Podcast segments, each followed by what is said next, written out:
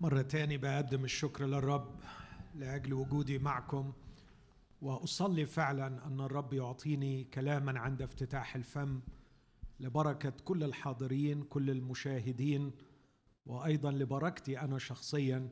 فأنا أكثر الكل احتياجا للشبع والانتعاش بالكلمة المقدسة. بدأنا بالأمس حديثنا حول هذا الشعار أعبر وأعنا. ووجدت في هذا الشعار أربع أفكار. الفكرة الأولى عندما نسمع العالم يصرخ طبقا للقرينة التي جاءت فيها هذه الآية أعمال 16 9 أعبر إلى مكدونية واعنا عندما نسمع صرخة العالم للكنيسة للمؤمنين أعبروا إلينا أعينونا. هذا يعني أن العالم في أزمة. العالم يصرخ من مشكلة. العالم يعاني. والسؤال الذي أطرحه ما هي طبيعة المعاناة التي يعاني منها العالم؟ لماذا يصرخ العالم؟ أعبر وأعنا. هل يا ترى نحن ندرك معاناة العالم؟ هل نحن نشعر بصراخ الناس حولنا؟ وأنا جاي للمكان بتأمل الوجوه التي بجوارنا. بالألاف. وجوههم تصرخ. وإن كانت ألسنتهم لا تتكلم. أعبر وأعنا. هل شعرنا بصرخة الناس من حولنا؟ هل نشعر بعطشهم؟ هل نشعر بمعاناتهم؟ قد يكونوا وصلوا إلى حالة من فقدان الحس حتى أنهم لا يصرخون. لكن هل كونهم لا يصرخون هذا يعني أنهم لا يحتاجون إلى يسوع المخلص؟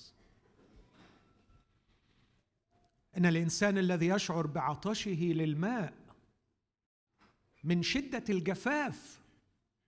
هو في حال سيء لكن أن يصل إلى أنه فقد الحس فلا يشعر باحتياجه حتى للعطش فهو في حال اسوا هل نسمع صرخة العالم؟ أعبر واعنا أعتقد أننا نحتاج أن نعرف طبيعة المعاناة. ما هو سبب صرخة العالم؟ اعبر واعنا. وأيضا من هذا الشعار هناك فكرة أخرى. يا ترى ما هي طبيعة المعونة التي تملكها الكنيسة لكي تقدمها؟ عندما يصرخ إلينا العالم اعبر واعنا علينا أن نسأل أنفسنا كيف نعين؟ ما الذي نملكه لكي نعين؟ هل لدينا شيء؟ وهل هذا الشيء الذي نملكه استطاع أن يعيننا نحن ويغير حياتنا نحن حتى نكون قادرين أن نعين غيرنا ونعبر للآخرين ونعينهم؟ إذا كان السؤال الأول عن طبيعة المعاناة فالسؤال الثاني عن طبيعة المعونة التي يحتاجها العالم. لكن الفكرة الثالثة في هذا الشعار هي فكرة العبور. أعبر وأعنا. اولا عن المعان ثانيا عن المعين ثالثا عن العبور. عندما يقول أعبر واعنا صحيح كان جغرافيا في هذا النص هناك حاجز مائي يحتاج بولس أن يعبره لكي يصل إلى معاناة هذا الرجل الذي يصرخ ويقول أعبر إلى مقدونية واعنا واليوم أتساءل عن طبيعة الحواجز التي تفصل بيننا وبين الناس من حولنا الذين هم في معاناة شديدة. هل توجد حواجز بين الكنيسة وبين معاناة الناس؟ ما هي طبيعة تلك الحواجز؟ من الذي أقامها؟ هل الناس هم الذين أقاموا الحواجز حولهم؟ أم الكنيسة انعزلت وأقامت حواجز حول نفسها؟ أم هناك قوة شريرة فصلت بين الكنيسة وبين معاناة الناس لكي لا تستطيع الكنيسة أن تصل إليهم؟ وتظل الصرخه من العالم تقول للكنيسة أرجوكم اعبروا الحواجز أو حتى أزيلوا الحواجز. اهدموا الأسوار.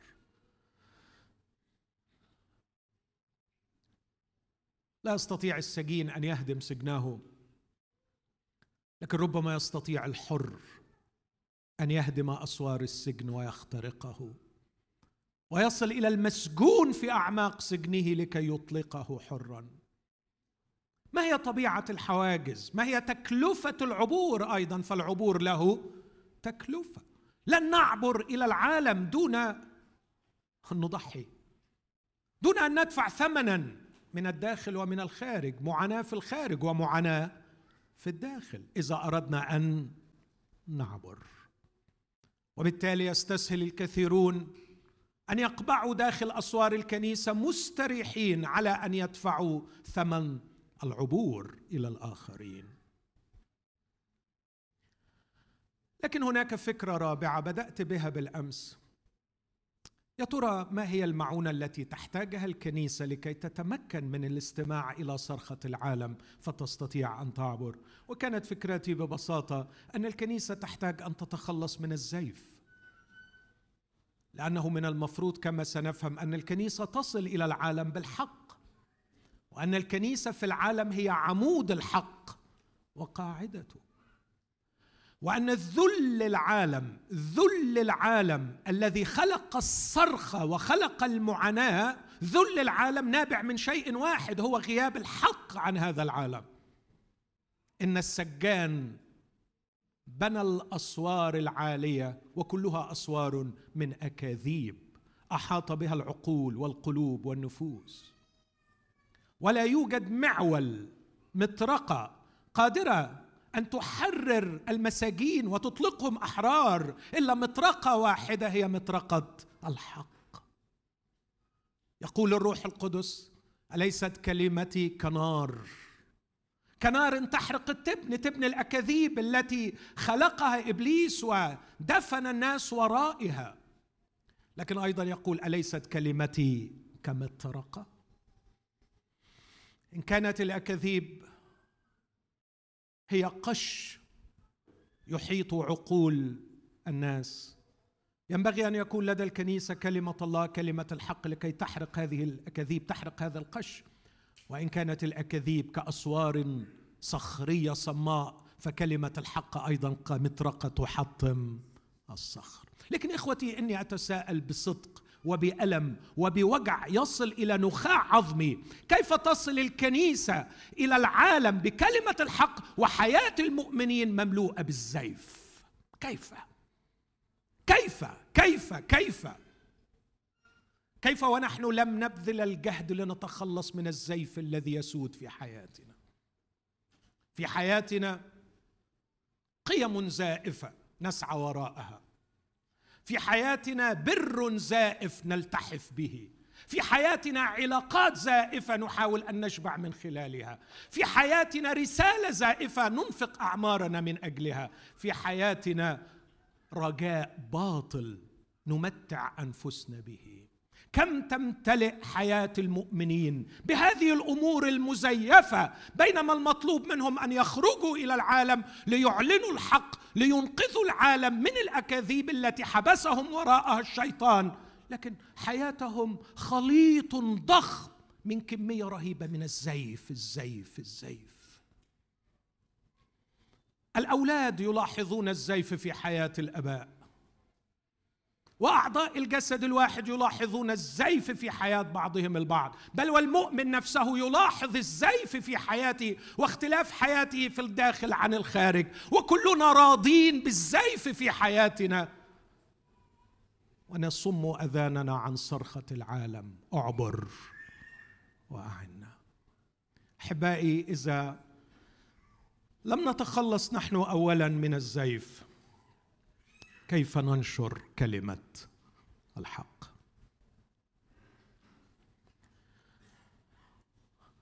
الرب يسوع كان متوجعا وهو يرى البشر عبيد لإبليس. كان حزينا كان قلبه مكسورا على إسرائيل لأنهم لم يقبلوا يسوع كالحق. لكنه كشف عن السر وقال إن الكذاب وأبو الكذاب هو الذي يسجن هؤلاء الناس ولا أمل لهم إلا أن يعرفوا الحق. يقول المسيح إن ثبتتم في كلامي فبالحقيقة تكونون تلاميذي وتعرفون الحق والحق يحرركم. إن حرركم الإبن فبالحقيقة تكونون أحرارا. الحق أقول لكم إن من يعمل الخطيه هو عبد للخطية والعبد لا يبقى في البيت إلى الأبد. ثم يتكلم عن إبليس إن الكذاب بعدما يحبس الناس في سجون أكاذيبه لا يتركهم سجناء لكنه يقتلهم في النهاية. فيقول ذاك قتال للناس منذ البدء إبليس يحبس الناس وراء الأكاذيب ليجهزهم ليوم الذبح. سيذبح الناس. سيقتل الناس. ونحن للأسف سعداء بالفن بالكريستيان فن بالكريستيان انترتينمنت بحضور الاجتماعات والمؤتمرات. غير عابئين بصرخة الناس المجهزين للذبح. إبليس يعمل بكل نشاط لكي يذبح ويقتل. والكنيسة منهمكة في أمور كثيرة. لذلك أحبائي أتضرع إلى الله أن يساعدني ويساعدكم. أن نكون جادين أمناء. وان نبدأ بأنفسنا في أن نتخلص من الزيف.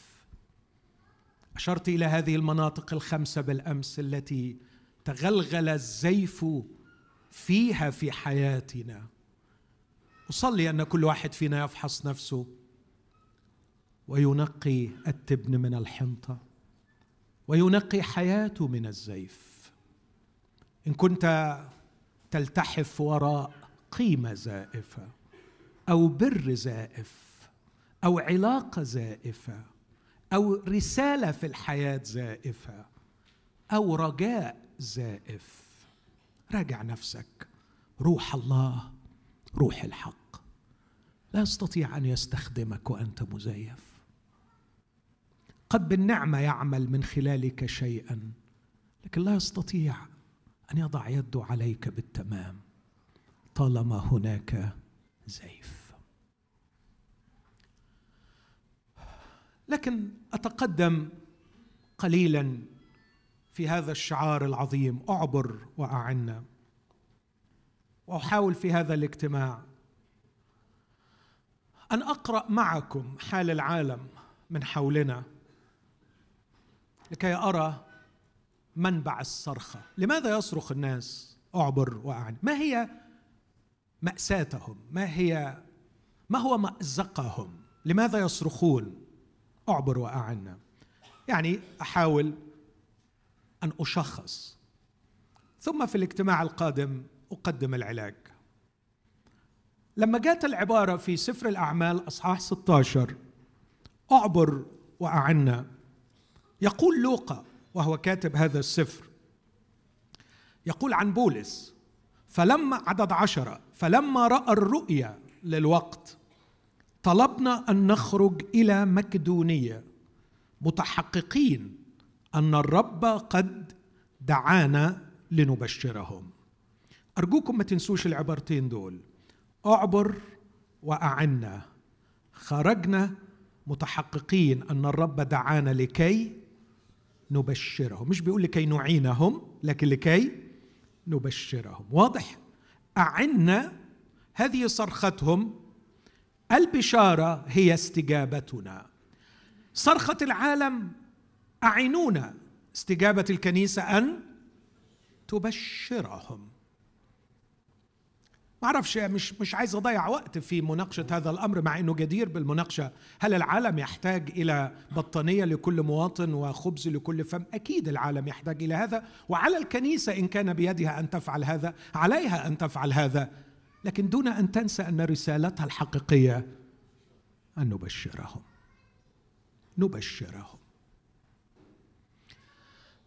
العالم يصرخ اعنا استجابة الكنيسة هي أن تبشر تبشر بكلمة الحق. كلمة البشارة نبشرهم لم تتكرر كثيرا في العهد الجديد بقدر تكرار كلمة أخرى اسمها الكرازة. وهناك كلمة ثالثة هي في اليونانية أبولوجية اللي منها جت كلمة أبولوجيتكس والثلاث كلمات يمشوا مع بعض. البشارة والكرازة والمجاوبة ترجمت مجاوبة.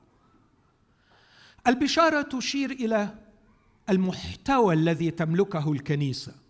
الكنيسة تملك محتوى تملك حق تملك خبرا مفرحا. كلمة بشارة يعني خبر صار مفرح. الكنيسة لديها خبر مفرح لهؤلاء الصارخين الذين يقولون اعبر واعنا كلمة الكرازة تعني إعلان.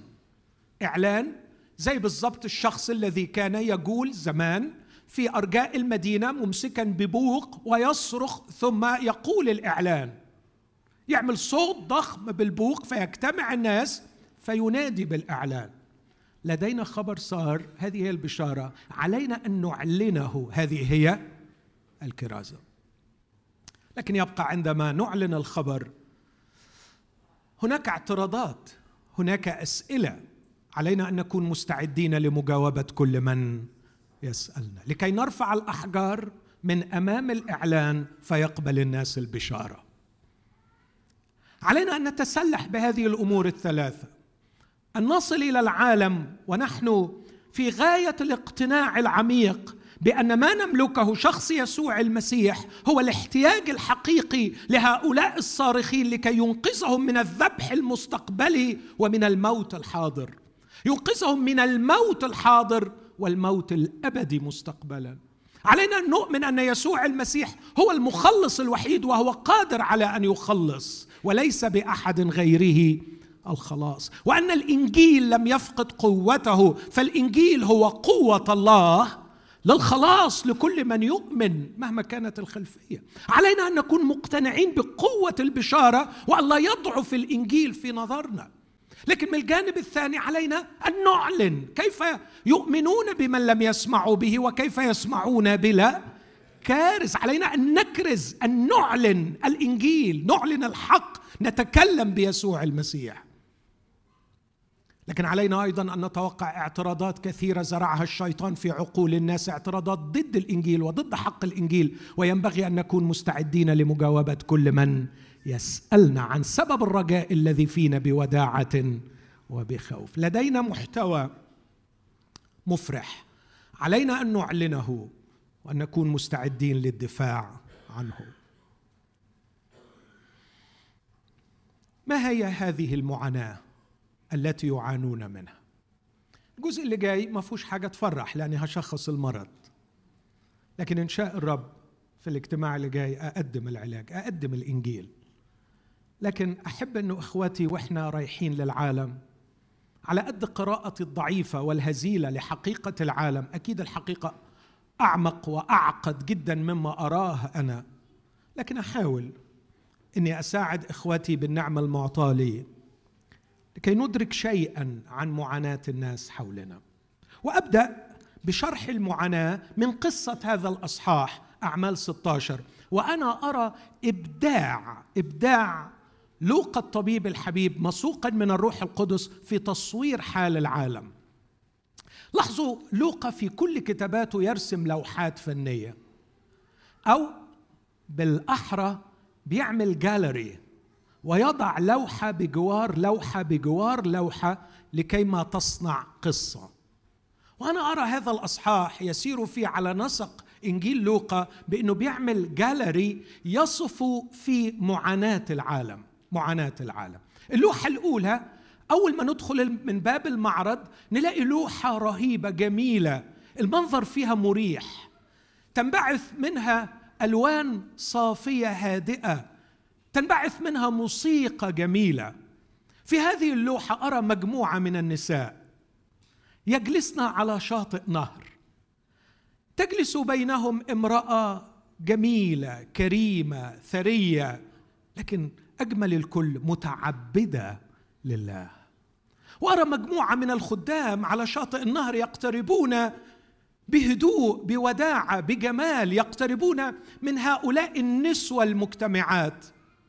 ويبدأ شخص منهم قصير القامة مملوء بالتعب والإعياء. يقف بينهم ليتكلم بمياه مروية لنفوس عطشانة.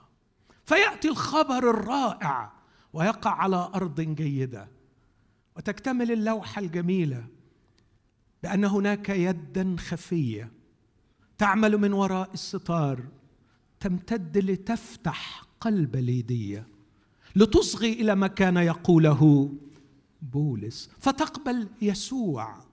واه يا أحبائي تدق أجراس وموسيقى في السماء احتفالا بخاطئ واحد.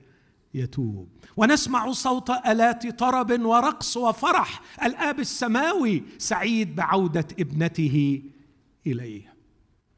يا لها من لوحة بديعة جميلة ربما تحتار معها فرش الفنانين أو أقلام الرواه الذين يحكون قصة ليديا التي سجلها الروح القدس باختصار شديد للغاية مع أن المشهد كله في غاية الروعة يحتاج إلى تفصيل كثير. كيف حدثت المعجزة وكيف فتح الرب قلب ليديا لتسمع الحق وتتغير حياتها؟ هذه المرأة التي لا تتعامل إلا مع الأثرياء والملوك لكنها صارت عبده ليسوع المسيح. إذا لخصت هذه اللوحة أقول العطش إلى كلمة الحق. كلمة الحق التي ينبغي على كل مسيحي أن يكون يمتلكها وأن تكون على لسانه وأن تكون حياته حق قبل ما يكون بيتكلم بالحق. الناس عطشانه للحق. الناس عطشانه للحق. وعلى فكرة الناس بتستقبل الحق في الحياة قبل ما بتستقبل الحق بالودان من اللسان. الناس بتحس سمعت الكلمة دي يقول لك فلان ده حقيقي قوي؟ فلان ده حقيقي قوي؟ الناس بتحس بالشخص الحقيقي قبل ما تقدر تفحص الكلام الحقيقي. وأقول قد يعثر على الناس تمييز الكلام الحقيقي لكن غالبا لا يعثر عليهم تمييز الشخص الحقيقي. لذا إذا انفصل الحق على اللسان من الحق في الحياة لا قيمة ولا معنى له ولا داعي أن تنطق به. إلا أن خلاصة اللوحة العطش إلى كلمة الحق. لكن أنتقل من هذه الغرفة الجميلة بهذه اللوحة وأدخل إلى لوحة أخرى. في الواقع الألوان فيها مش حلوة. والأصوات النابعة منها نشاز لا أسمع لحنا ولا أرى لونا هادئا لكن أرى ألوانا رمادية قاتمة. أرى هذه المجموعة من الخدام الذين رأيتهم على شاطئ النهر لكن لا أراهم مبتسمين في حالة فرح بل أراهم عابسين. وأرى هذا الشخص القصير بينهم في حالة ضجر شديد وهو بولس الرسول. أراه متضجرا. وأرى أيضا امرأة. لكن وجهها لا يحمل تلك الملامح الهادئة البديعة كتلك التي حملتها ليدية بياعة الأرجوان. إنها جارية. لكن المشكلة ليست في أنها جارية. المشكلة أن روحها في الداخل قد تم حبسها بروح عرافة. تسكنها روح أخرى. آه يا إخوتي كم نحتاج أن نفكر في هذا الأمر؟ هل الأرواح التي نتعامل معها أرواح مجروحة؟ أو قد تكون أرواح محبوسة ملبوسة مسيطر عليها بأرواح أخرى؟ لقد كانت هذه المرأة بها روح عرافة.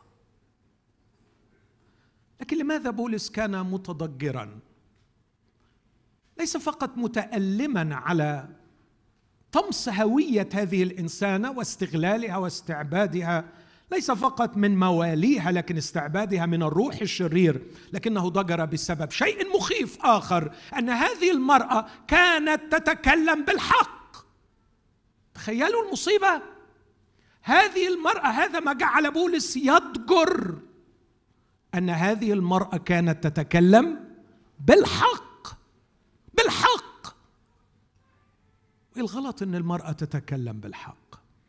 اللوحة الثانية تعلن أمرا رهيبا أن إبليس المجرم القتال لكي يغلق أذهان الناس عن الحق كانت حيلته الأولى أن يجعل الناس الخطأ يتكلمون بالحق فيصد النفوس ويغلق العقول عن الحق. لأنه آت من الناس الخطأ. قد أمر الروح الشرير أن يخرج منها وتضجر منها في حين إن الكلام اللي كانت بتقوله كلام حق. هؤلاء الناس هذا الكلام في أعمال 16 عدد 17 جارية بها روح عرافة. عدد 17 هذه اتبعت بولس وإيانا وصرخت قائلة هؤلاء الناس هم عبيد الله العلي الذين ينادون لكم بطريق الخلاص. إيه العيب في الكلام ده؟ فيش عيب في الكلام لكن العيب في الشخص. ليه الناس ما بتخلصش حوالينا. ليه الناس ما بتخلصش. ممكن يكون بسبب عدم وصول كلمة الحق. لكن من وجهة نظري السبب الأكبر إن كلمة الحق بيتنادى بيها من الناس الغلط. وإبليس ما عندوش مشكلة خالص إنه يدفع أجرة للناس الغلط ويوظفهم ويعيشهم أحسن عيشة ويديهم أفضل مرتبات ويخليهم ينادوا بالحق علشان الناس تكره حاجة اسمها الحق. مجرم مش كده؟ بس إحنا فاهمين إن إبليس ده عبيط والحرب بتاعته كده مكشوفة. إبليس بيلعب على أعلى مستوى. كتاب قال لكي تثبتوا ضد مكايد. كلمة مكايد في اليوناني تعني استراتيجيز استراتيجيز لديه استراتيجيات خادعة مدمرة. وواحدة من ضمن استراتيجيات إبليس التي سادت في العالم. أن أكثر من يتكلمون بالحق اليوم هم الناس الغلط. أشرت بالأمس إلى تشارلز ماكنتوش عندما قال إن أعظم وسيلة لمقاومة الحق هي أن تقول الحق أن تنادي بالحق ولا تعيشه أبسط شيء الرياكشن بتاع اللي بيسمع يقول لك ما هو لو كان بينفع كان نفعك. ما هو لو كان بيحرر كان حررك. ما هو لو كان بيفرح كان فرحك. ما هو لو كان بيخلص كان خلصك. ما هو لو بيخلي الشخص يحب كان خلاك تحب. أراك نهاشا للناس تنهش الناس وتتكلم بالحق. لا أريد الحق الذي يجعلني أنهش الناس. لا أريد الحق الذي يجعلني ديانا للناس. لا أريد الحق الذي يجعلني أحظى بمنصب على المنابر وفي الخفاء أعيش في الخطية والنجاسة. لا أريد هذا الحق بل أكره هذا الحق مع أنه حق. لكن إبليس نجح أن يصنع هذه الجريمة في العالم اليوم. وجعل أعلى الأصوات وأكثرها انتشارا هي الأصوات التي تنادي بالحق دون أن تعيشوا هل تروننا شركاء في هذه الجريمة إخوتي؟ هل تروننا شركاء في هذه الجريمة دون أن ندري؟ هل تروننا صرنا ضحايا لهذه الخدعة المرعبة دون أن ندري؟ فأغلقنا العقول والقلوب من حولنا تجاه الحق الخاص بيسوع المسيح لأننا صرنا أصحاب أصوات عالية دون سلوك مقدس وحياة قوية وقلوب نقية حقيقية تمجد المسيح بالحياة وليست مجرد أفواه تعلن كلام حق.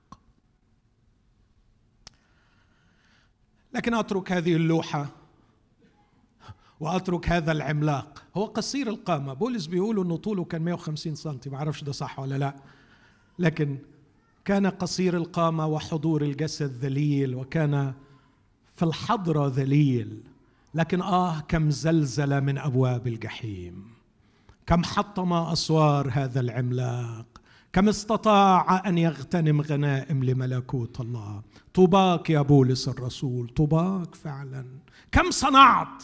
كم حاربت من أجل اسم سيدك؟ كم عشت؟ كان دائما يقول لسنا غشين كلمة الله. كان يعيش بالإخلاص بالنقاوة.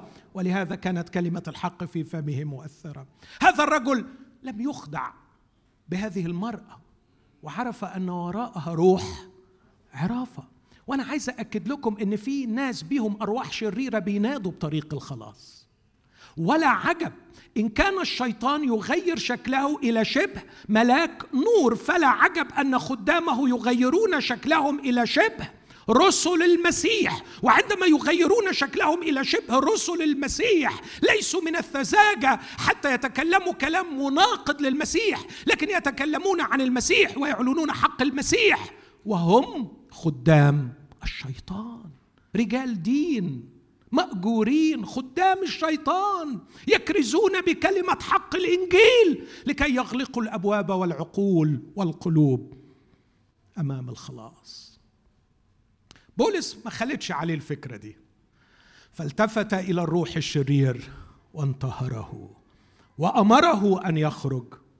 فخرج الروح الشرير ولم تعد المرأة تكسب مواليها من العرافة وصمت ندائها عن الحق ولم تعد تتكلم بكلمة الحق. عندما خرج الشيطان لم تعد تنادي بالحق لأنها كانت مأجورة من إبليس. تنادي بالحق وبها شيطان. لكن تصوروا إن التشخيص الذي يجريه الدكتور لوقا وهو طبيب دكتور التشخيص الذي يجريه الدكتور لوقا لا نأخذه من اللوحة الأولى ولا اللوحة الثانية. في اللوحة الأولى تحتها عبارة بتقول إن الناس في عطش إلى كلمة الحق وده اللي نشوفه في ليديا اللوحة الثانية بتقول إن الشيطان له خدام يكرزون بالحق لكن نصل إلى مربط الفرس في اللوحة الثالثة. واللوحة الثالثة مملوءة بالأعاصير مملوءة بالزلزلة مملوءة بالصراخ بها سجن بها أسوار ألوانها سوداء تنبعث منها رائحة الخوف والذبح والقتل. بها رجل ضرب وقسى ضرب بالعص حتى شقق الجلود وجعلها تنزف بها سجن ومقطرة داخلية بها رجل يحمل سيفه وينوي الانتحار. هذا هو حال العالم. إن حال العالم ليس في اللوحة الأولى ولا في اللوحة الثانية لكن حال العالم في اللوحة الثالثة. تعرفوا إيه أخطر ما في اللوحة الثالثة؟ هناك سجين يظن نفسه سجان. يظن نفسه سجان. يظن نفسه مسيطر. يظن نفسه أنه قائد والقياده بيده. ولا يدري المسكين أنه مسجون تحت يد سجان أعظم وأكبر. وهذا السجان يربيه ليوم الذبح. والكتاب كان سخيا معنا عندما أرانا الرجل وهو معد للذبح. لاحظوا الرؤيا التي رآها بولس لم يرى امرأة تقول أعبر واعنا لكن رأى رجلا مكدونيا قائم يقول أعبر واعنا وأتخيل أن بولس عندما دخل والتقى بليديا فرح. فرح بخلاص ليديا ودخل بيت ليديا وأقام عند ليديا لكن طول اليوم بيقول لسه ما شفتش الراجل بتاع الرؤيا. ثاني يوم ثالث يوم كانت المرأة التي بها روح عرافة تتبعهم وأصمت صوتها وأخرسها لكي لا تزيف الحق بأن تنادي بالحق وهي بها روح عرافة كخادمة للشيطان. لكن جواه سؤال لسه ما قابلتش الراجل. ولم يكن هذا الخادم العملاق. يدري أنه لكي يلتقي بهذا الرجل المكدوني عليه أن يدفع ثمنا باهظا. لم يكن الثمن مالا لكن كان الما. الما نفسيا والما جسديا. كان عليه أن يقبض عليه كواحد من الرعاع وهو حامل للجنسية الرومانية. وهو حامل للجنسية الرومانية. كان يستطيع أن يتصرف في هذه المدينة كأشرف الناس فيها. لكنه خضع مش بعيد عندما مدوهم لكي يضربوا بالعصي كالحمقى والرعاع. مش بعيد هو وسيلة بصوا لبعض وقال له نقول لهم إن إحنا رومانيين. أنتوا عارفين في آخر الأصحاح إيه اللي حصل؟ بعد ما ضربوهم وبهدلوهم بعت لهم الصبح فجأة كده فجأة يقولوا لهم اخرجوا. في عدد 35 ولما صار النهار أرسل الولاة الجلادين قائلين اطلق ذينك الرجلين. فأخبر حافظ السجن فأخبر حافظ السجن بولس بهذا الكلام إن الولاة قد أرسلوا أن تطلقا فاخرج الآن واذهبا بسلام. فقال لهم بولس ضربونا جهرا غير مقضي علينا ونحن رجلان رومانيان وألقونا في السجن أفالآن يطردوننا سرا؟ كلا بل ليأتوا هم أنفسهم ويخرجون فأخبر الجلادون الولاة بهذا الكلام فاختشوا لما سمعوا أنهما رومانيان فجاءوا وتضرعوا إليهما وأخرجوهما وسألوهما أن يخرجا من المدينة. الناس تخاف ما تختشيش. لكن اللي بتعجب له مش الناس تعجب من هذا الخادم العملاق. أنت ليه صمت؟ أنت ليه ما قلتش إنك روماني في الأول؟ قال علشان أنا أحسن منك يا ماهر. أنا بعرف إمتى أتكلم وإمتى أسكت. أنا بعرف إمتى أتكلم وإمتى أسكت. أنا لو كنت قلت الكلمة دي أو أكيد سأل الروح القدس. أقول؟ قال له لا ما تقولش. آه بس ده هيضربوني. ضرب. اتضرب عايزني اتضرب آه عايزك تتضرب. ده شكل الموضوع مش هيخلص عند الضرب. ده شكلهم كده هيدخلونا السجن. آه ادخل. بص أنا مش فاهم حاجة بصراحة وأنا عارف انك مديني امتياز الجنسية الرومانية علشان استعمله. بس هسمع الكلام.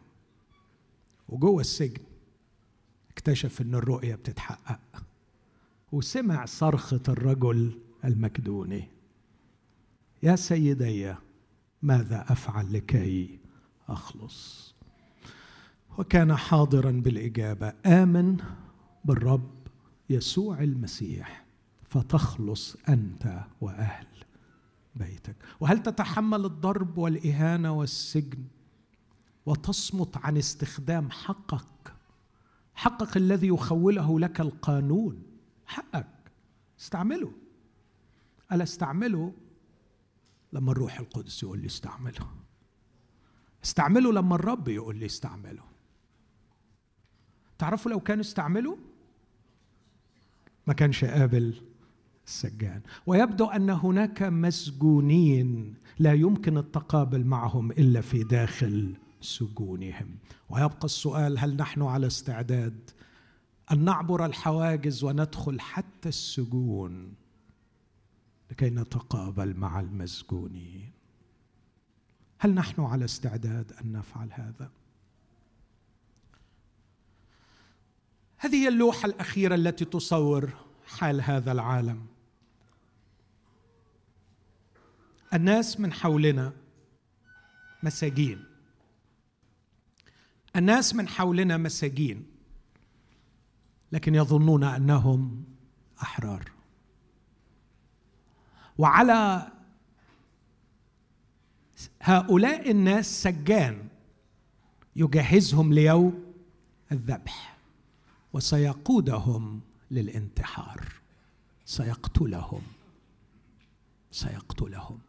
قال عنه يسوع لم ياتي إلا لكي يسرق ويذبح ويهلك. هؤلاء الناس يعيشون في ظلمة عميقة.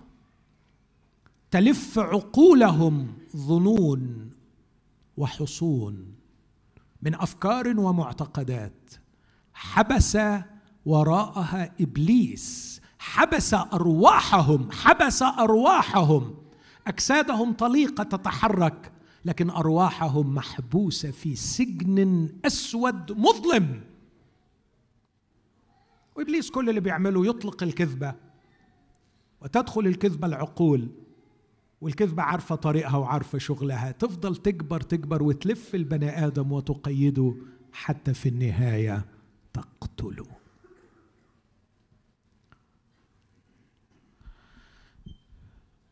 ما هو هذا السجن؟ ما هو هذا البؤس؟ الحقيقة يمكن من أكثر الخدمات اللي جهزت لها ومش بستخدم اللي جهزته لكن كان نفسي أشارككم مش برؤيتي أنا لحال العالم لكن برؤية أهل العالم لحالهم في حالة انفصالهم عن الله. لكن خلوني أقول باختصار طبقا للرؤية المسيحية هو إيه مأساة الإنسان؟ اسمعوني يا إخوتي الأحباء. خلق على صورة الله ليكون في شركة عميقة مع الله ولكي يملك ويسود على الأرض. خلق ليستمتع بدفء حضن ولكي يكلل بهالات المجد. من هو الإنسان حتى تذكره وابن آدم حتى تفتقده؟ إذا أردت أن أتخيل الإنسان في خلقه الأصيل خلق ليكون عنوانه الدائم ومقره الدائم هو حضن الآب. مقيم في حضن أبيه. ومكلل بهالات المجد والكرامة. بمجد وكرامة كللته. وأقمته على جميع أعمال يديك. كان من المفروض أن يكون شبعانا شبعانا شبعانا مستدفئا آمنا هادئا مستقرا لأنه مقيم في حضن الآب. بكل روعة هذا الآب الرب القدير إيل شداي القادر على كل شيء. ينعم في حضنه بالاستقرار والدفء والأمان والقوة والإشباع. علاقة التحام علاقة التحام بأبيه تكفيه وتغنيه. عن أي علاقة أخرى تكفيه وتغنيه. عن أي شيء آخر.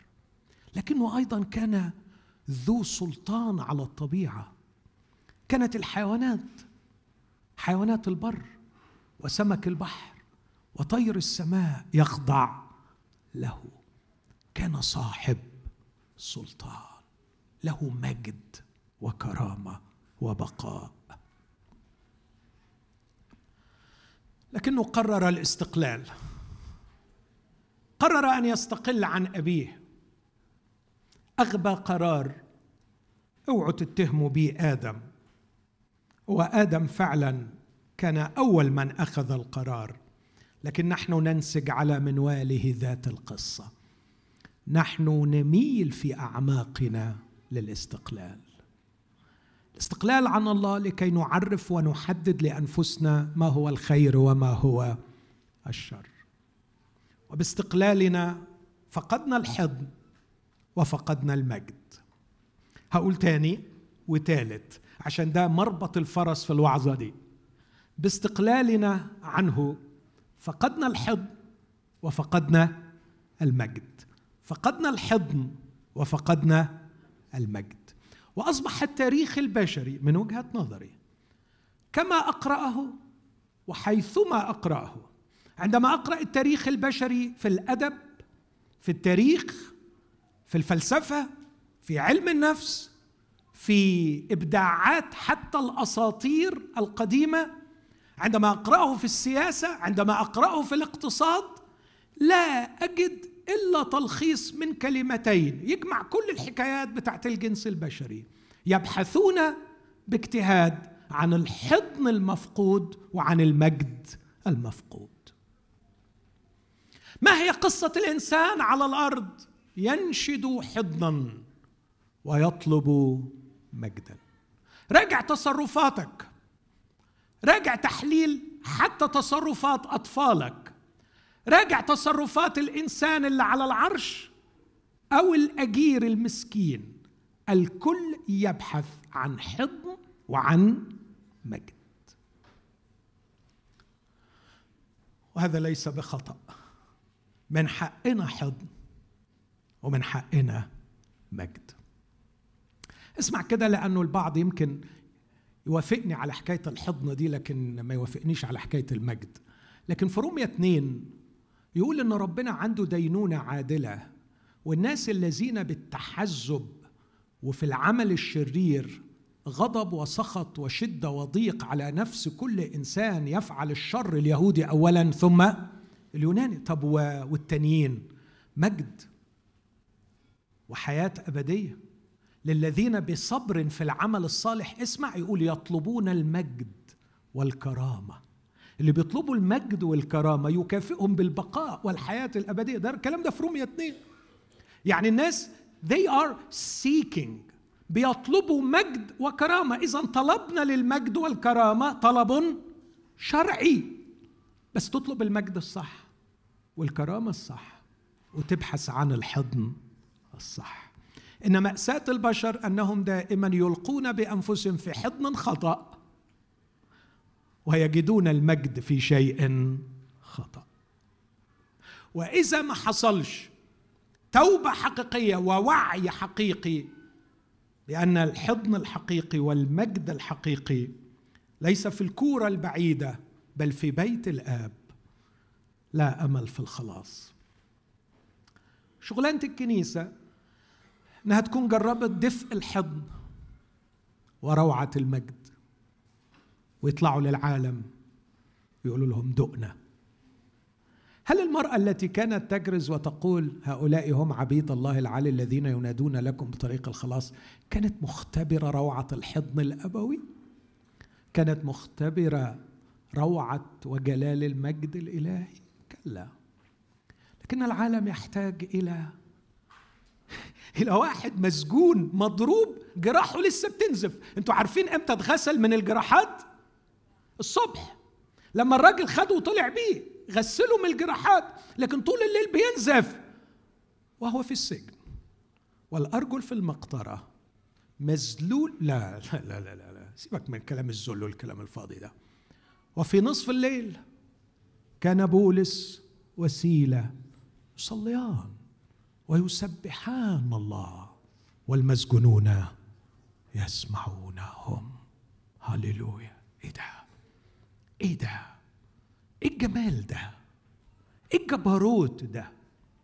إيه الروعة دي؟ أتخيله إذا سمع تساؤلاتي يقول وهل تظنني أيها المسكين أنه بدخول السجن خرجت من الحضن وأنا على شاطئ النهر كنت أقبع في حضن أبي. وأنا في السجن أيضا أنا في حضن أبي. وهل تصورت أن كرامتي ومجدي مرتبطة بخدمتي؟ كلا. إن كرامتي ومجدي مرتبطة بأني أخذت وضعي كابن لأبي. عندما دخل البيت واستقر مع أبيه على المائدة جعل خاتما في يده وحذاء في رجلي الجلال والقوة والمجد. إن كرامتي ومجدي ليست مرتبطة بمكان إقامتي. إن كنت في قصر أعيش أو كوخ بلا حمى سيانه عندي. لأن مجدي وراحتي وأماني لا يعتمد ولا يرتبط بأين أعيش وما هي شهاداتي وما هي أموالي وما هو رصيدي. لكني أقبع في حضن أبي. هل ترى جلال ومجد أولاد الله في تحطيم السجون وإطلاق الأسير حرا؟ إيه رأيك في نهاية الأصحاح ده؟ مين الملك في الأصحاح ده؟ مين أجمل شخصية في هذا الأصحاح؟ واحد مسجون بيقول له لا تفعل بنفسك شيئا رديا لأننا جميعنا ها طب أنا بتساءل يعني. من أين السلطان؟ أنا أعتقد إن بولس أصدر قرار كده إن ما حدش يهرب. ما حدش يهرب لأنه ده في خطر على حياة الراجل يعني ناس مساجين أكيد مستنين الفرصة إن هم يهربوا لكن في هيبة في هيبة. في هيبة من حضور أولاد الله. قال المرنم قديما يا السجن صرت جنة من هيبة الرحمن. هيبة الرحمن كانت في حضور أولاد الله. ألقى الله هيبته على كل المسجونين فظلوا في أماكنهم. لم يبرح أحد السجن.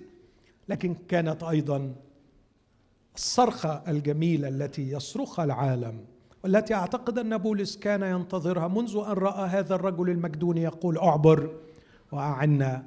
يا سيدي ماذا ينبغي أن أفعل لكي أخلص؟ وكان جاهزا بالعبارة البسيطة آمن بالرب يسوع المسيح فتخلص أنت وأهل بيتك. عبارة معقدة صعبة ما أقدرش أدخل لأعمقها لكن لا أستبعد أن هذا الرجل كان مهموما بمشكلة مدمرة مع أهل بيته فجاءته كلمة نبوية عظيمة هتخلص أنت وأهل بيتك. إن يسوع المسيح كافي لحل كل المشاكل. انه يستطيع أن ينتقل بك من حالة الهلاك إلى حالة الخلاص. أنا كتير بنسى ابص في الساعة لما ببدأ أوعظ. أنا ليه قد إيه دلوقتي؟ ساعة. لا المفروض أخلص.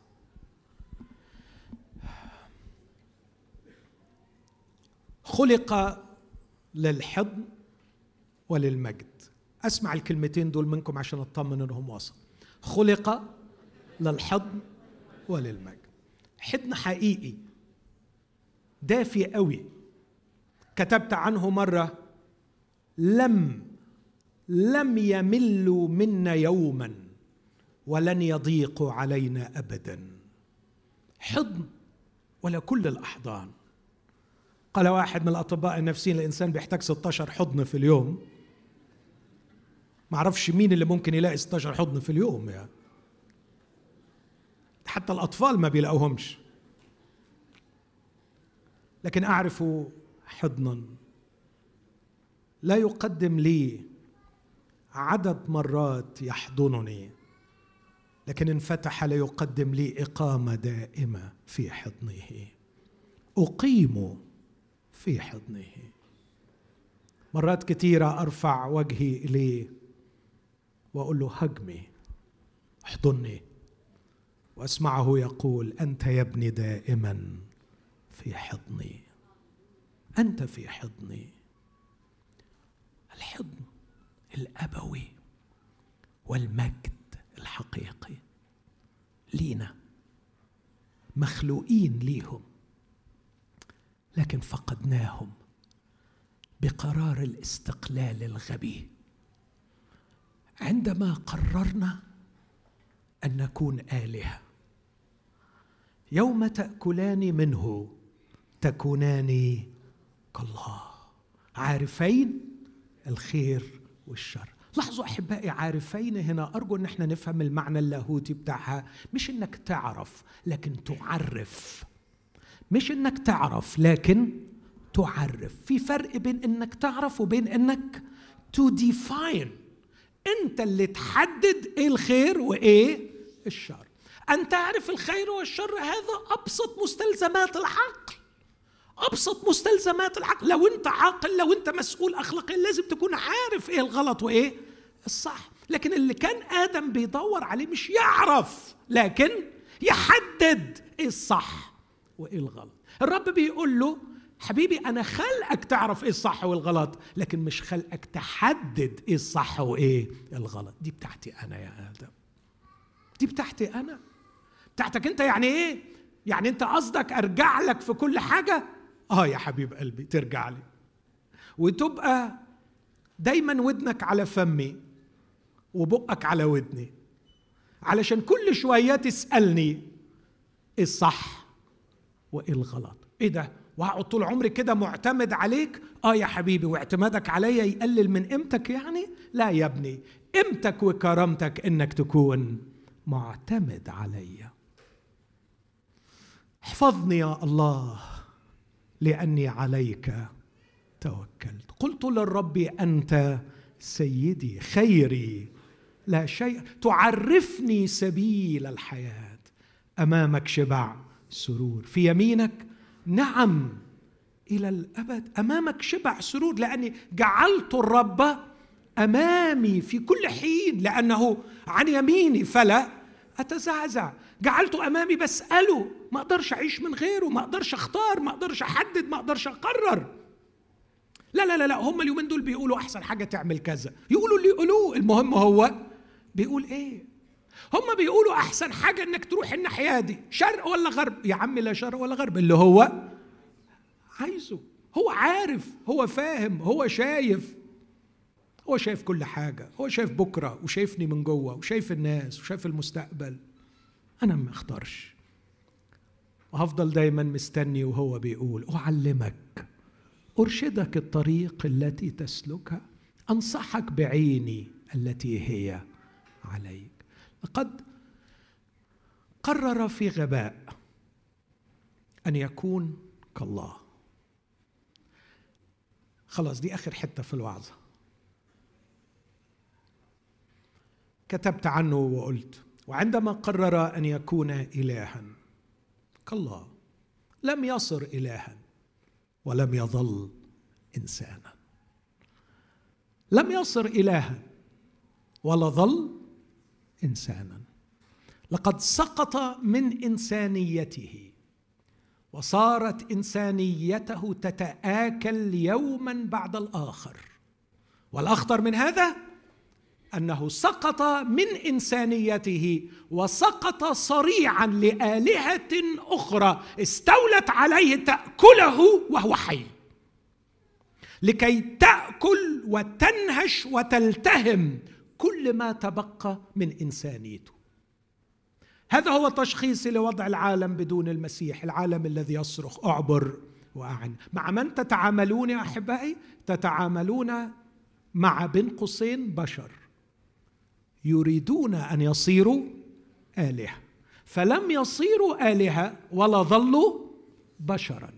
لكنكم ستتعاملون مع أناس هربت منهم وتدهورت إنسانيتهم تتآكل إنسانيتهم وستجدونهم فرائس لآلهة قاسية لا ترحم تأكل ما تبقى من انسانيه كم واحد موافقني على التشخيص ده؟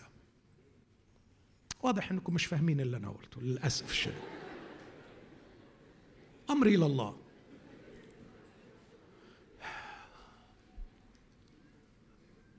وأنا بتأمل في الشارع في حال الناس. وأنا بشوف الناس حتى جوه الكنايس. تصوروا الصرخة اللي جوايا دايما بتكون إيه؟ هو فين الإنسان؟ أنا أرى مسوخا لا بشرا. هو فين الإنسان؟ فين الإنسان بجماله؟ فين الإنسان بأخلاقه اللي ربنا خلقه؟ فين الإنسان زي اللي شفته في شخص يسوع المسيح. أين الإنسان؟ لقد ضاع الإنسان ولم يبق لنا إلا كائن. لا هو إله ولا هو حيوان ولا هو إنسان. كائن غريب. فقد إنسانيته. تتآكل إنسانيته. وسقط صريعا وفريسة لآلهة تلتهم. تأكله وهو حي تلتهم ما تبقى من إنسانية. فيش إنسان. هو ده اللي غايب. ميشيل فوكو الفيلسوف الفرنساوي كتب كتابا موت الإنسان في نهاية القرن العشرين. ولا عجب. وهذه واحدة من سخريات اللي بيسموها ironic أو سخريات القدر. كتب نيتشه. في نهاية القرن التاسع عشر أو مطلع القرن العشرين موت الله. فكتب ميشيل فوكو في نهاية القرن العشرين موت الإنسان. فعندما استبعدوا الله مات الإنسان. تعرفوا إيه المصيبة الكبرى اليوم؟ هي موت الإنسان. النهاردة زودت حاجة عندي في مذكراتي. كنت دائما أقدم محاضرة بعنوان ما بعد post. العالم في الستينيات في أوروبا قالوا دخلنا عصر ما بعد المسيحية post Christian era لم نعد شعوب مسيحية نحن شعوب مدنية. انسوا تماما ما بعد المسيحية. في السبعينيات قالوا ما بعد الحداثة. 2016 ما بعد الحق. اليوم كنت بقرأ كتاب عن التكنولوجي وعن تأثيره على الهيومناتي. ما بعد الهيومن ما بعد الإنسانية. نحن في عصر ما بعد المسيحية. ما بعد الحداثة ما بعد الحق ما بعد الإنسان خلاص. مات الإنسان. وعلى الكنيسة أن تستعيد الإنسان. إن كانت الكنيسة مؤسسة فأراها مؤسسة ينبغي أن يرى فيها الإنسان. هقول تاني. اسمعوا إلي يسمع الله لكم. الكنيسة مكان ينبغي أن يرى فيه الإنسان. بس قلبي مكسور. بدخل الكنيسة وما بشوفش الإنسان. بشوف حاجات كتير قوي. بشوف تعاليم. بشوف صراعات. بشوف عقائد. بشوف خدمات. بشوف ترنيم.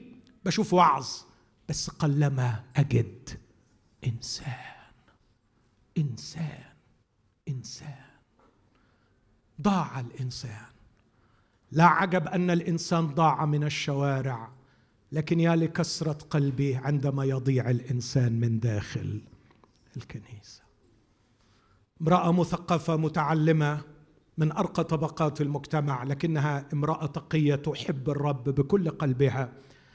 كانت متوجعة دائما تشاركني في ألمها على بنتها التي ترفض الكنيسة وترفض رجال الدين وترفض الخدام وترفض كل شيء ديني في سن عنيف غاضبة ثورية. لكن أخيرا قالت لي ماهر عندي خبر رائع بنتي قبلت تسمع لشخص معين خادم. قلت لها ياه طب ده خبر رائع. ممكن من فضلك تسأليها لي هي ليه قبلت تسمعه؟ فراحت فعلا وهي على التليفون قالت لي استنى وراحت سألتها هو ليه حبيبتي أنت سمعتي الراجل ده؟ قالت لها أصله إنسان. ياه! ياه! يعني اللي كانوا بيدوروا عليه الشباب وبيدوروا عليه الناس في من يحملون الكتاب المقدس مجرد إنه يكون إنسان؟ يس. هو ده اللي ناقص الكنيسة. إنسان. هل يستطيع يسوع المسيح أن يستعيد لنا إنسانيتنا؟ عندما أقدم تعريفا حتى في كلية اللاهوت أقدم تعريفا وأدافع عنه. ما هو الخلاص في المسيحية؟ أن يستعيد لك إنسانيتك. يخلصك لكي تكون انسانا ولكي تكون نفسك. The Redeemer يسوع المخلص جاء يخلص النفس البشرية بأن يستعيد لها إنسانيتها التي فقدتها بالخطيه ويستعيد لها هويتها وتفردها. تكون إنسانا وتكون نفسك. هذا هو الخلاص. وعندما سنذهب للناس أرجوكم لا تدينوهم. اذهبوا إليهم بالحب. فابن الإنسان لم يأتي لكي يدين العالم بل لكي يخلص به العالم. لا تدينوا البشر. لا تدينوا أصحاب الديانات المختلفة عنكم لا تدينوا أصحاب العقائد المختلفة عنكم. إن الناس مساكين يحتاجون إلى محبة المسيح المخلص. اذهبوا إليهم.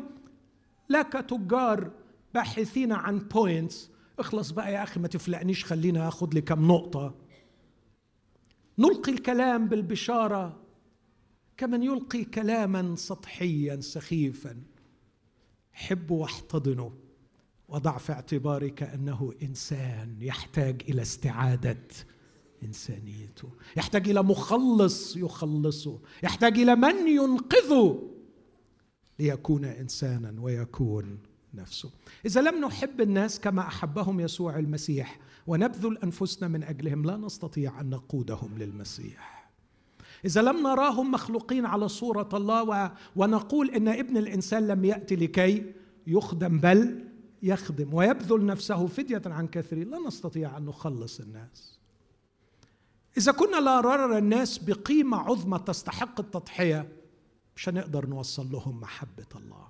دعونا نتغير من الداخل تجاههم قبل أن نصل إليهم برسالة وبشارة الخلاص. لكن أنا قلت إنه مش بس لم يصر الها ولم يظل انسانا لكن قلت كلمة ثانية مؤلمة. سقط صريعا فريسة آلهة تأكله وهو حي. وهتكلم عن إلهين أنا الحقيقة أراهم يعربدوا في شوارع دبي. إلهين وثنيين يملؤون الأرض ضجيجا. إله الحب سلاش الجنس. وإله المال. هذه آلهة تنهش تلتهم ما تبقى من إنسانية الإنسان. آه كم تهدر إنسانية الإنسان في العمليات الجنسية خارج إطار الزواج. في قصص الحب الوهمية خارج إطار الزواج. كم تنتهك إنسانية الإنسان؟ وكم تنتهك إنسانية الإنسان بحثا عن المال؟ بحثا عن المال. هتكلم عن الإلهين دول بأكثر تفصيل لكن هختم بقراءة لواحد من من وجهة نظري أكبر المبدعين أو من كبار المبدعين في القرن العشرين ديفيد فوستر والاس. ده كاتب روائي رجل أمريكي من المتميزين ألقى هذا الخطاب سنة 2005 في حفل تخرج إحدى الجامعات الكبرى ثم بيسموه ال commencement speech حاجة راقية قوي. ثم انتحر شنقا في 2008 وكثيرون حللوا هذا الخطاب لكي يروا بدايات الأفكار الانتحارية عنده كان يعد نفسه للانتحار. هذا رجل ملحد لكن اسمعوا ماذا يقول. كان يكلم الطلبة الذين يتخرجون. يقول الحرية في التعليم الحقيقي هي أن تقرر ما الذي ستعبده؟ الحرية هي أن تقرر ما الذي ركز معايا كلام ده كلام تقيل. أرجو إنك تاخد بالك منه. الحرية في التعليم الحقيقي أن تقرر ما الذي ستعبده. لأن وهذا أمر غريب ولكنه حقيقي. في رتابة أيام البالغين ليس هناك إلحاد. ليس هناك إلحاد ليس هناك أحد لا يعبد الكل يعبد. الاختيار الوحيد الذي نملكه من هو الذي ستعبد؟ ما هو الذي ستعبد؟ والأمر الفاتن في العبادة سواء كان الها أو امرا ما ورائيا فليكن. المسيح الله يهوى الإله الأم في ديانة الويكا الحقائق النبيله الاربعه في الديانة البوذية الإيمان بمجموعة من الأخلاق أي شيء. لكن اسمع إن أي شيء تعبده سيقضي عليك حيا. أي شيء ستعبده سيقضي عليك حيا. إن تعبد المال وكنت تجد فيه المعنى الحقيقي في الحياة لن تحصل على ما يرضيك. ولن تشعر ابدا أنك مكتفي إنها الحقيقة. أن تعبد جسدك وجمالك وجاذبيتك الجنسية ستشعر دائما أنك دميم. ومتى يمر العمر والوقت ستموت ستموت ملايين الموتات قبل أن نفنى جميعا. نعرف هذه الأمور مسبقا. صيغت لنا كخرافات أو أمثلة أو عبارات مبتذلة وساخرة. إن أساس كل قصة عظيمة والمفتاح يكمن في إبقاء هذه الحقيقة في وعيك. أن تعبد القوة ستشعر بالضعف وستطلب مزيدا من القوة على الآخرين لإبعاد الخوف عنك. أن تعبد الفكر كي يقال عنك مثقف وذكي ستأتي في النهاية أيام تشعر فيها بالغباء. والزيف دائما على شفا حفرة من أن تكشف. وهكذا الأمر اللئيم في هذه الأشكال من العبادة. ليس أنها شر أو خطيئة بل لأنها لا واعية في السبكونشس وضع تلقائي. هذا النوع من العبادة نغوص فيه تدريجيا يوما بعد يوم. ننتقي ماذا ترى وعلى ما نقيس القيم بغير إدراك كامل أن هذا هو ما نفعله. نعبد آلهة تقضي علينا ونحن أحياء. خلاصة هذا الخطاب الذي بعده انتحر ديفيد فوستر والاس إن الإنسان تعيس. انسانيته تتآكل. وهناك آلهة وثنية تلتهم ما تبقى من الإنسانية. تفرج على ال businessman عندما يتوحش ويملك ويملك ويملك ويصارع وينافس. حاول تلقط إنسانيته تلاقيها عمالة تتدهور. تفرج على الشخص اللي غرق في الحب وال romance والجنس. تفرج عليه. كيف يختزل المرأة إلى جسد ويحقرها وي objectify يخليها مجرد شيء تتآكل إنسانيته. فكر في الولد اللي معبوده هو جسمه وال six packs وعايز يبقى في أجمل جسم. ألقط صور إنسانيته. تلاقي إنسانيته عمالة تتآكل. يعبدون آلهة تقضي عليهم وهم أحياء. بس على فكرة اللي ما قالهوش ديفيد لأنه ما يعرفهوش. واللي أعرفه أنا ومتأكد منه في داخل كل هؤلاء صرخة. اعبر وأعنا اعبر وأعنا بيصرخوها بس ما بيلاقوش حد يسمعهم. فيظنوا أنها صرخة تضيع في الفضاء فربما يكفوا عن أن يطلقوها مجددا. وللأسف الشديد في مرات كثيرة استمع إليهم شخص وقدم لهم الحق لكن كان به روح عرافة. ملبوس من روح شرير وبيقدم لهم الحق. وعلشان كده ما قبلوش الحق. وأين الكنيسة؟ إنها هناك. هناك. هناك. مجتمعة في الغرف المغلقة تناقش أمر اللجان وأمر العقائد. ومين الصح؟ ومين الغلط؟ ومين اللي عنده حق؟ والصرخات صوتها يزوي ويضعف ويضعف ويموت واحد وراء الآخر. وتخفت الأصوات التي تصرخ أعبر واعنا والكنيسة ما زالت مجتمعة. تقيم طقوسها واحتفالاتها ويتصارعون ويتنافسون. مين اللي طلع امبارح على المنبر؟ ومين اللي هيطلع الشهر الجاي؟ ومين اللي هيوعظ؟ ومين اللي هيرنم؟ واللجنة هتبقى سباعية ولا خماسية؟ والعقيدة الفلانية هي الأصح ولا العقيدة الفلانية؟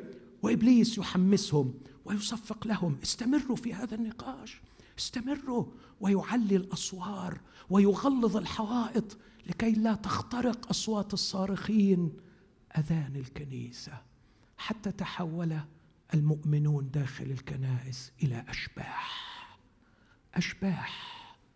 مجرد خيال مآتة لا يرعب الأرواح الشريرة. ومات الإعلان أبواب الجحيم لن تقوى عليها. يا لكسرة قلبي لكني أصرخ إلى الرب أن يكون هذا المؤتمر صرخة اطلقها ألا تستيقظ يا كنيسة المسيح؟ تكوش بينا نفوق من الخيبة الثقيله دي. تكوش بينا نطلع من من المأساة الهزلية اللي إحنا عايشين فيها. تكوش بينا ننسحب من على صفحات الفيسبوك. ونخرج خارج غرفنا المغلقة. نخرج خارج أسوارنا العالية. ونصرخ صرخة إلى إلهنا. أن يستعيد لنا إنسانيتنا. فأكون إنسانا وأكون نفسي وأطوح بطوق النجاة قائلا لكل صارخ آمن بالرب يسوع المسيح فتخلص أنت وأهل بيتك. قوموا بينا نقف قدام الرب. إذا كان في حد حقيقي عايز يتوب معايا أنا أول واحد هتوب. إذا كان في شخص عايز يتوب معايا أعتقد إنه الدقايق اللي جاية دقايق للتوبة. اتفضل اسي سؤال. وإحنا بنسمع يا كنيسة قومي وكفاية وكفاية الوضع اللي إحنا فيه. خلوا الدقايق اللي جاية أرجوك ما تصليش من أجل غيرك صلي من أجل نفسك. اطلب من الرب توبة حقيقية ليك أنت. عسى أن يستفيقوا من فخ إبليس. عمري ما أطلق نفوسا من الفخ وأنا نفسي مقيد. الناس من حولنا تأكلهم الآلهة وهم أحياء. أبواب الجحيم تلتهم الأطفال تلتهم الرجال والنساء ولا أحد يقف لها.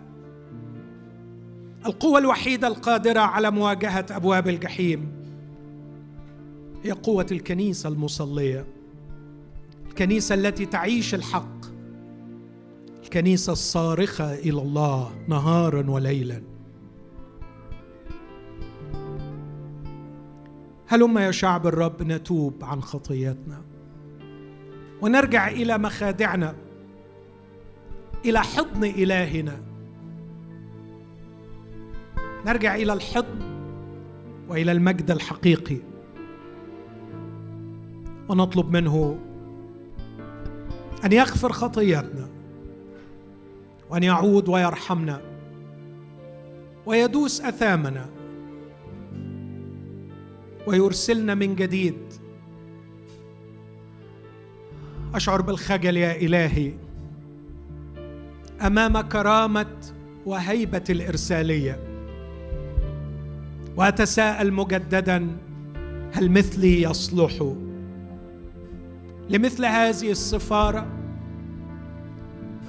أشعر بالخجل أن أضم نفسي مع هؤلاء الذين قالوا نسعى كسفراء عن المسيح.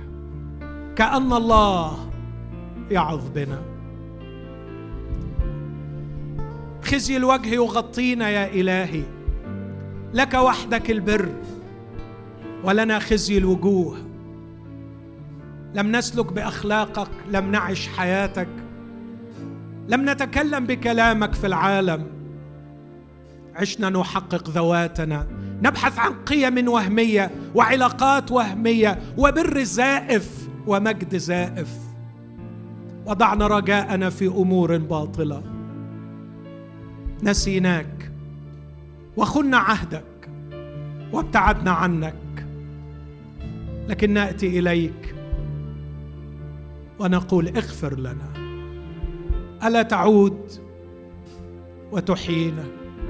ألا تعود وترحمنا وتغفر خطيتنا؟ ألا تعود وتشرق بنورك علينا من جديد؟ لا تمل منا من فضلك. لا تسمح أن تتقيأنا. ارجعنا إليك فنرجع. وانر بوجهك علينا فنستنير. خلصنا من كل زيف وشر وإثم وطمع. ارجع إلينا إنسانيتنا ودع الناس يروك فينا. خلصنا يا إلهنا. ليس فينا قوة لخلاص أنفسنا لكن ننتظر رحمتك. فارحمنا